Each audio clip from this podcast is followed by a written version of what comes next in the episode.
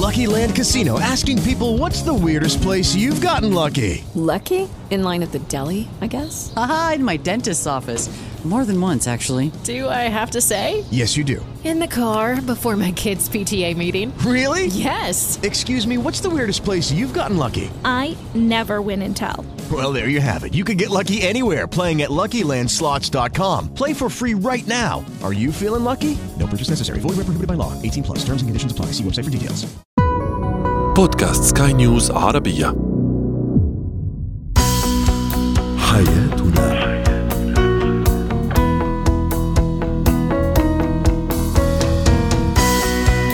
مستمعينا الكرام أهلا بكم إلى حياتنا. برنامجكم اليومي الذي يعنى بشؤون الأسرة وباقي الشؤون الحياتية الأخرى والذي يمكنكم أيضا الاستماع إليه عبر منصة سكاي نيوز أرابيا بودكاست وباقي منصات البودكاست. معي أنا طيبة حميد. هو وهي.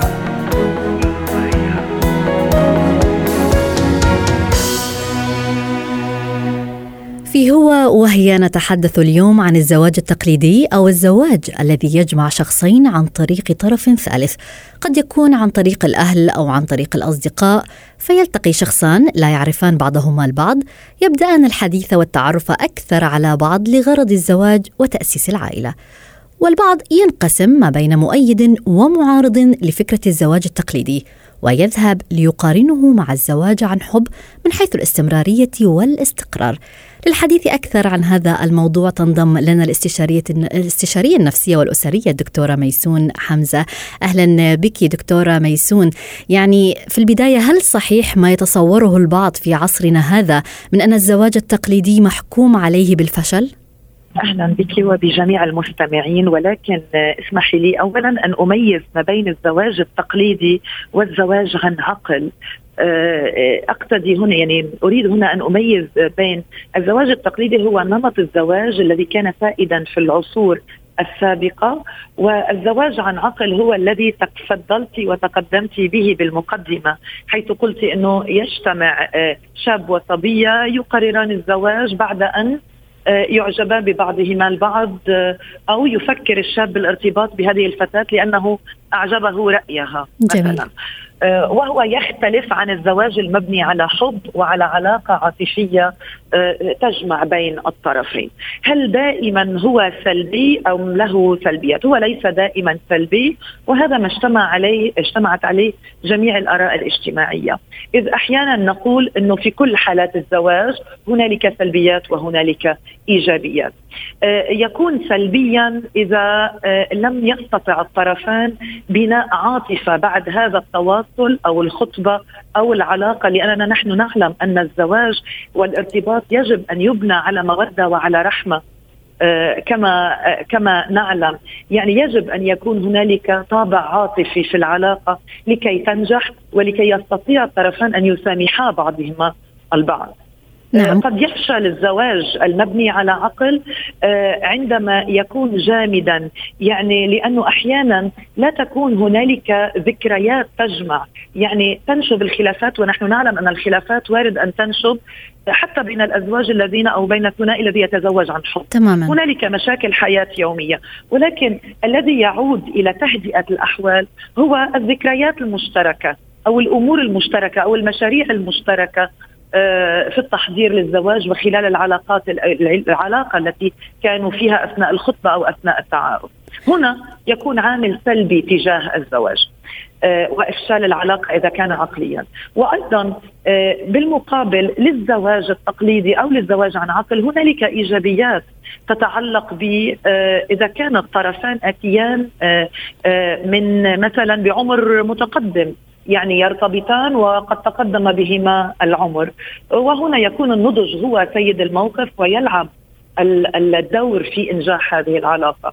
وأيضا من إيجابيات الزواج المبني على عقل أو الزواج التقليدي أنه محدد الأهداف وواضح.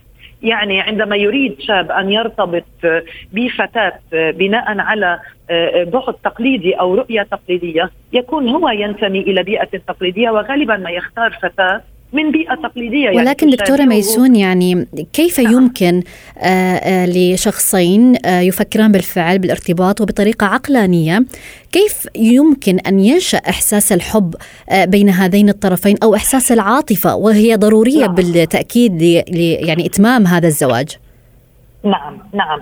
جيد جدا. ينشأ هذا الرابط العاطفي نتيجة توحد الهدف والمصالح. آه شخصان قررا الارتباط آه آه بناء على وعي ومنطق وعقل راجح تكون لديهم الأهداف محددة وواضحة. وهنا يكتشفان يعني الأشخاص اللذين الشخصين اللذين يرتبطان بناء على عقل ووعي. هم أشخاص قد رأوا في الآخر ما يناسب طباعهما آه، الرؤيه إلى الحياة النظرة أسلوب العيش. وأظن هذا كافي لأن تكون العلاقة واضحة مبنية على التفاهم. آه، التفاهم والنضج هو سيد الموقف هنا ليبني العاطفة أو ما أستطيع تسميته المودة.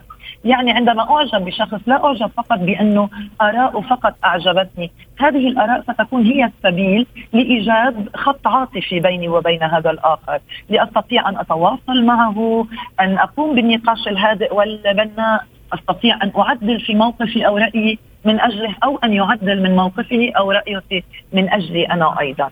هنا نستطيع أن نتكلم عن علاقة عاطفية ولكن نحن نعلم انه هذه العاطفة لا تبنى بسحر يعني لا أستطيع أن أولد العاطفة بيني وبين الآخر بسحر أو بدفعة واحدة. إنها تحتاج إلى تجربة تحتاج إلى علاقة آه، آه، مبنية على تجارب مشتركة وأهداف مشتركة وأيضا تحتاج إلى نمط حياة واعي مبني على آه، إمكانية تخطي الصعوبات وعي الصعوبات هل هناك طرق معينة يجب اتباعها على الشخصين؟ طبعا هنالك اولا الحوار.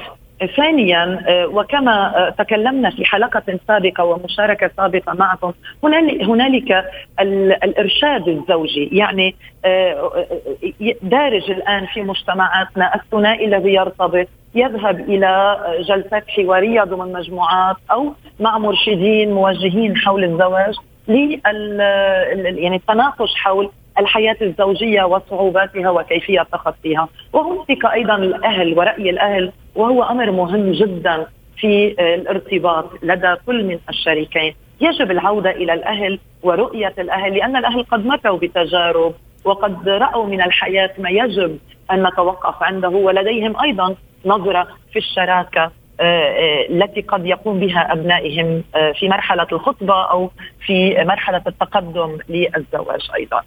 طب أيهما يستمر أكثر المعتاد يعني الزواج التقليدي أم إيه. الزواج عن حب؟ لا نستطيع أن نتكهن أي من النمطين يستمر أكثر، الذي يستمر أكثر هو العلاقة التي تستطيع أن تحافظ على الاحترام، التواصل، المسامحة، وإمكانية تخطي المشاكل، الوعي هو هنا سيد الموقف، نرى العديد من العلاقات التي بدأت بعاطفة وعلاقات حب صارخة، لكنها انتهت لأنه لم يكن فيها احترام وكان فيها أذية عاطفية وتضحيات من قبل طرف واحد على حساب الآخر، ونرى الكثير من العلاقات التي بنيت على أساس عقل وزواج تقليدي وقد استمرت مدى الحياة لأنه كان فيها التواصل والمسامحة والانسجام والوعي والتفكير الهادئ والبناء. جميل. الأمر يتعلق بوعي الطرفين النضج القدرة على التخطي والأهم الأهداف المشتركة.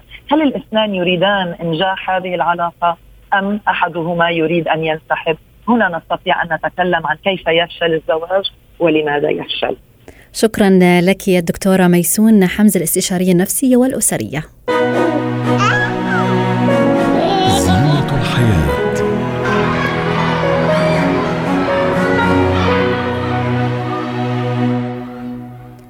الأطفال هم أكثر عرضة للإصابة بالفيروسات حيث يمكنهم التقاط العدوى من أي مرض ومن أي شخص وفي أي وقت.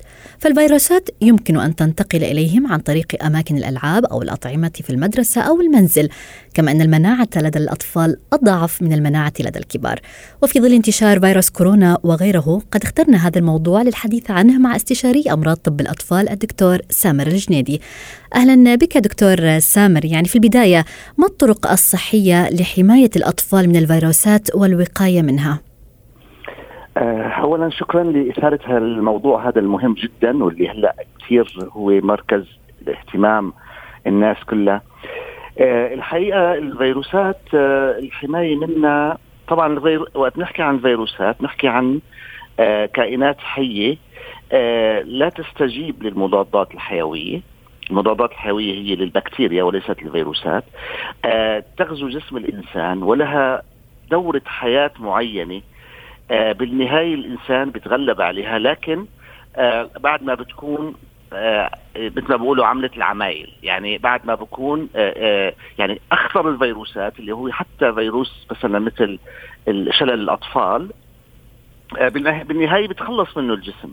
لكن بعد ما بكون عند بعض الأطفال سبب لهم شلل.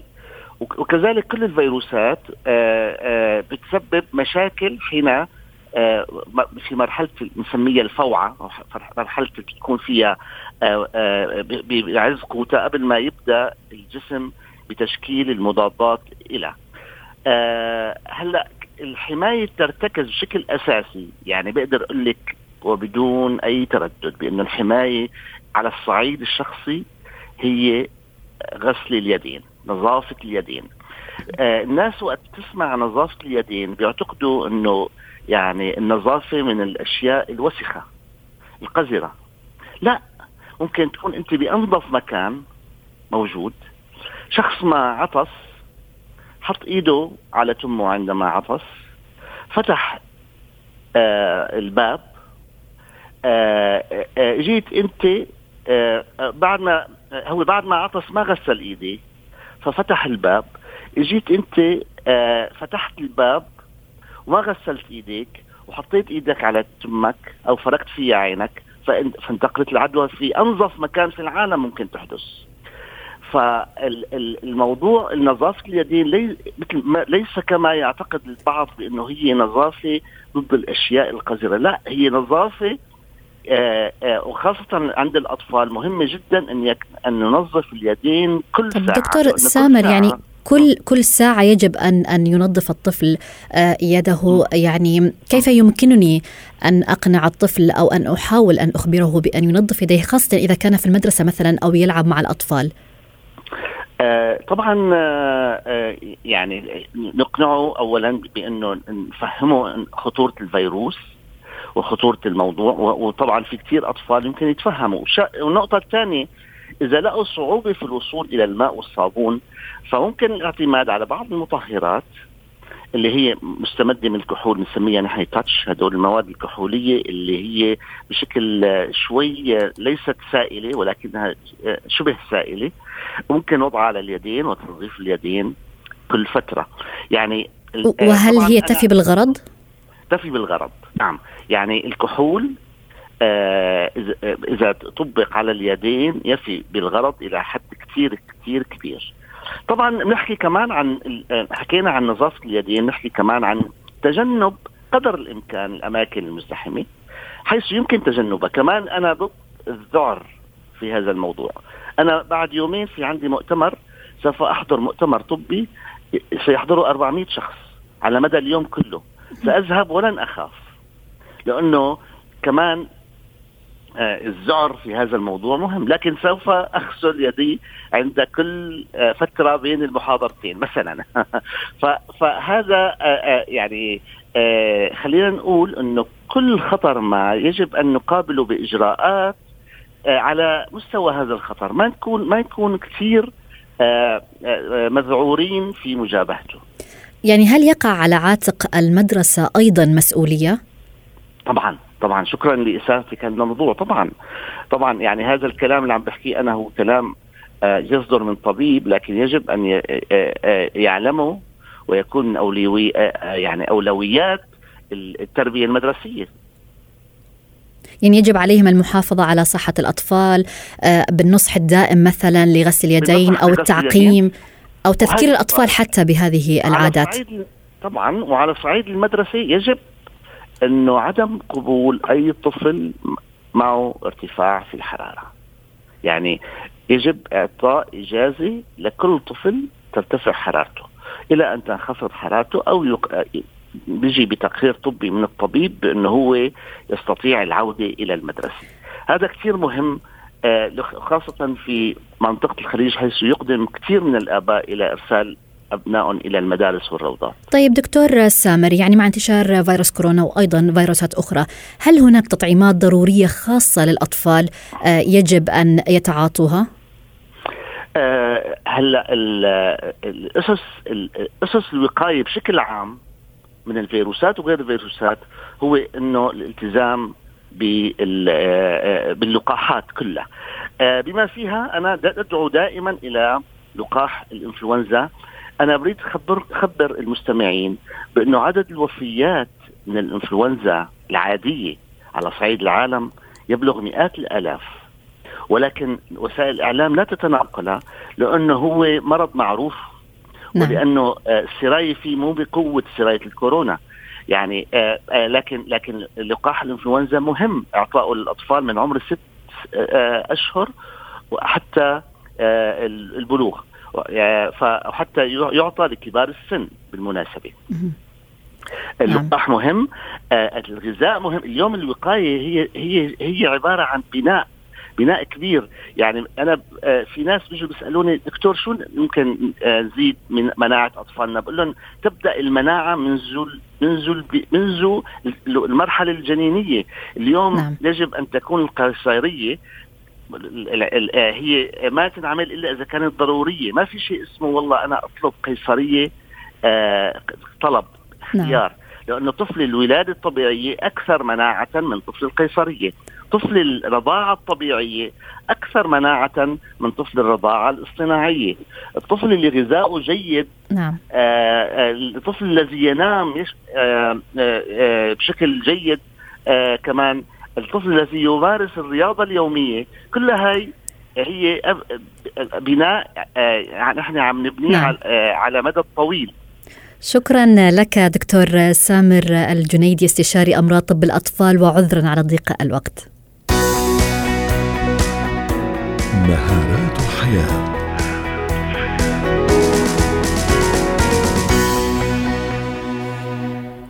من الطبيعي أن يقع الإنسان في الخطأ إن كان في العمل أو الدراسة أو في أي مجال آخر. ولكن من غير الطبيعي أن لا يتعلم الإنسان من خطئه وأن يقع فيه مرة أخرى مسببا لنفسه العديد من المشاكل والخسارات. نناقش الموضوع مع الخبيرة التربوية والاجتماعية ومدربة الحياة ذكريات مصطفى. أهلا بك أستاذة ذكريات. يعني لماذا البعض منا يكرر الخطأ نفسه؟ هل هو قلة خبرة أم طبيعة الشخص تفرض عليه نفس ردة الفعل في كل مرة يمر بها بمشكلة معينة فيقع في فخ تكرار الخطأ؟ يا مساء الخير آه، يعني بدي أقول إنه مين فينا ما بيسعى إنه يكون شخصية الأقرب للمثالية، شخصية جميلة، شخصية محبوبة، ناجحة إلى آخره. أكيد كلنا بنسعى لهذا الشيء ولكن أوقات الوقوع بالخطأ آه، قد يوقعنا بإشكالات مثلا، لكن بدي أقول إنه الوقوع بالغلط هو يعني لنتعلم وشيء كثير مهم لنتعلم بدروس الحياة ونكون أنضج ونكون أكثر وعي وأكثر خبرة فهذا الشيء نحن ضروري لنقع بالغلط. ما في حدا وصل بدون من الوقوع بالغلط. هو لصقل الشخصية ليعلمنا أكثر. ولكن في بعض البعض بحال وقع بالغلط أو تكرار الأخطاء أو العثرات آه تضعف ثقته بنفسه أو ثقة الآخرين فيه. هذا السبب عم عم يخليه يقع بمشكلة أكثر عم يخليه Lucky Land Casino asking people what's the weirdest place you've gotten lucky? Lucky? In line at the deli, I guess? Aha, in my dentist's office. More than once, actually. Do I have to say? Yes, you do. In the car before my kids' PTA meeting. Really? Yes. Excuse me, what's the weirdest place you've gotten lucky? I never win and tell. Well, there you have it. You can get lucky anywhere playing at LuckyLandSlots.com. Play for free right now. Are you feeling lucky? No purchase necessary. Void where prohibited by law. 18 plus. Terms and conditions apply. See website for details.